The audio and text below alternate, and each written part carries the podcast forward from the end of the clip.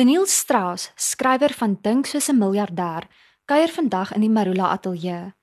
Hy vertel meer oor waagkapitaal en waarom 'n mens slimmer eerder as harder moet werk wanneer jy wil geld maak. Daniel, kom ons begin by waagkapitaal. Kan jy kortliks vir lesers verduidelik wat dit is? In Afrikaans noem hulle dit nou waagkapitaal, maar dis nie eintlik so 'n akkurate beskrywing van wat ons regtig doen nie. Engels is dit venture capital. So Ek dink ek is dalk een van die mees risiko-averse mense wat ek ken. So teen die tyd wat ons in 'n besigheid belê, is ons redelik seker dat hy gaan werk en groei. So effektief is iemand wat waagkapitaal doen is as jy ooit soos Dragons Den of Shark Tank gekyk het, dan kom daar 'n entrepreneur, hy verduidelik sy besigheid vir jou en hy besluit dan wil hy aandele uitreik aan jou en as hy bereid is, dan belê ons kapitaal in die besigheid en dan word dan nuwe aandele aan ons uitgereik met die doel om die besigheid te groei. Mense, en ek verwys hier na potensiële rolmodelle of mentors, se tyd is inderwaarheid duurder as ander hulpbronne.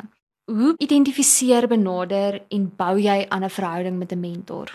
Jy sal nie glo hoe bereid suksesvolle mense is om raad te deel met jong mense wat hulle regtig kan sien hard probeer nie. Die manier waarop ek dit gewoonlik doen en ek het 'n hele paar mentors, is ek sal eenvoudig uitreik na iemand en vir hulle vra of hulle asseblief vir my kan raad gee en dan sal ek gaan koffie drink saam met hulle En tydens daai gesprek sal ek aan hulle dit duidelik maak dat ek al reeds 'n mate van sukses bereik het, maar dat ek nog nie is waar ek graag wil wees nie en dat ek net 'n bietjie leiding en raad nodig het om daai volgende vlak te kan bereik. En niemand het nog ooit vir my nee gesê as ek vir hulle vra nie. As iemand jou nader verraad, wat verwag jy dan van daai persoon as jy sê net maar 'n vergadering skeduleer of 'n koffie gaan drink? Wat moet daai persoon doen om voor te berei wanneer hulle jou kom sien? Wat verwag jy van so 'n persoon dat jy voel jy's beïndruk en jy sal graag in hierdie persoon wil belê?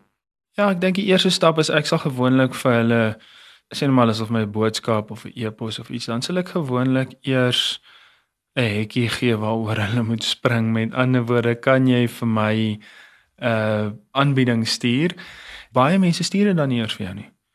So dan kry hulle nie die koffie nie.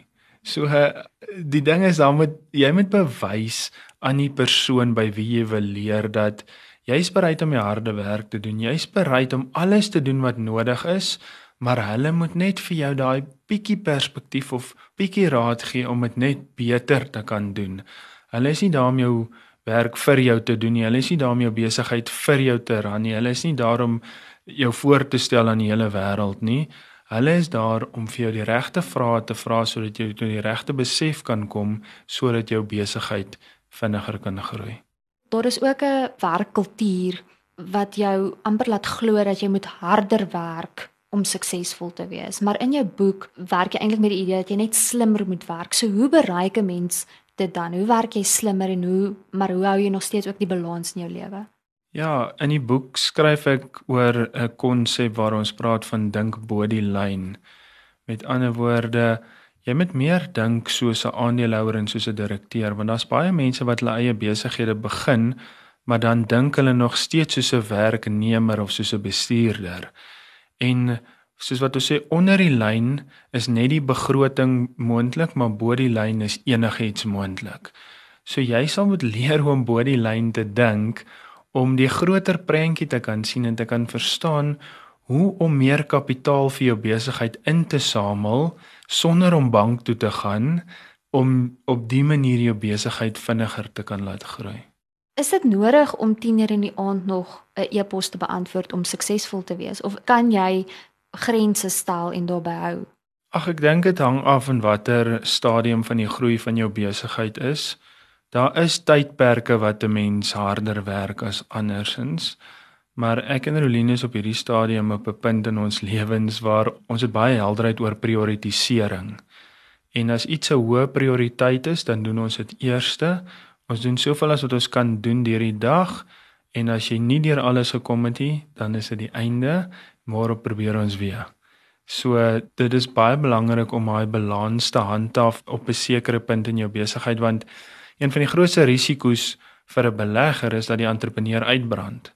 Nou die oomblik as die entrepreneur uitbrand en die besigheid is nog op 'n stadium waar alles rondom die entrepreneur draai, dan verloor jy alles. So is baie belangrik om nie jouself uit te brand nie. Nog 'n manier hoe 'n mens baie van jou tyd belê is op sosiale media platforms, maar jy het onlangs eers 'n Instagram profiel geskep. Jy is ook nie op enige ander platform behalwe LinkedIn nie. Waarom nou eers en is dit deel van 'n strategiese besluit? Ja, as baie mense wat na my toe kom en sê, "Daniel, ja, maar jy's besig met so baie verskillende goed." Sê ek vir hulle dit lyk dalk so, maar eintlik doen ek net een ding en dit is ek leer entrepreneurs om hulle besighede te groei. So selfs nadat ek belê het in 'n entrepreneur, spandeer ek meeste van my tyd om vir hulle te help en vir hulle leiding te gee om hulle besighede te groei. En die Instagram account wat ek oopgemaak het, se doel is eintlik om daai eerste vlak van kennis en inligting met soveel as moontlik mense te deel dat as ek dalk in die toekoms met hulle gaan werk, dan weet hulle klaar daai goede of ek dit nie weer vir hulle te sê nie, want daar's baie goed wat ek oor en oor en oor en oor vir verskillende mense moet sê. So as ek dit vir 'n 'n groot groep mense kan sê, dan is dit nie nodig om dit weer te herhaal op 'n latere stadium nie. So alhoewel dit lyk asof dit nou tyd neem, gaan dit in die langtermyn tyd spaar, glo ek. Daniel, jou boek Dink soos 'n miljardêr het pas in Afrikaans en Engels verskyn. Waar kan mense jou kontak? Jy kan my volg op @officialdanielstrauss op Instagram. Dan is die boek beskikbaar in alle groot boekwinkels en ook aanlyn. Amazon is daar byvoorbeeld e-boeke beskikbaar Kindle en dan ook uh, verskeie ander aanlyn platforms Suid-Afrikaanse.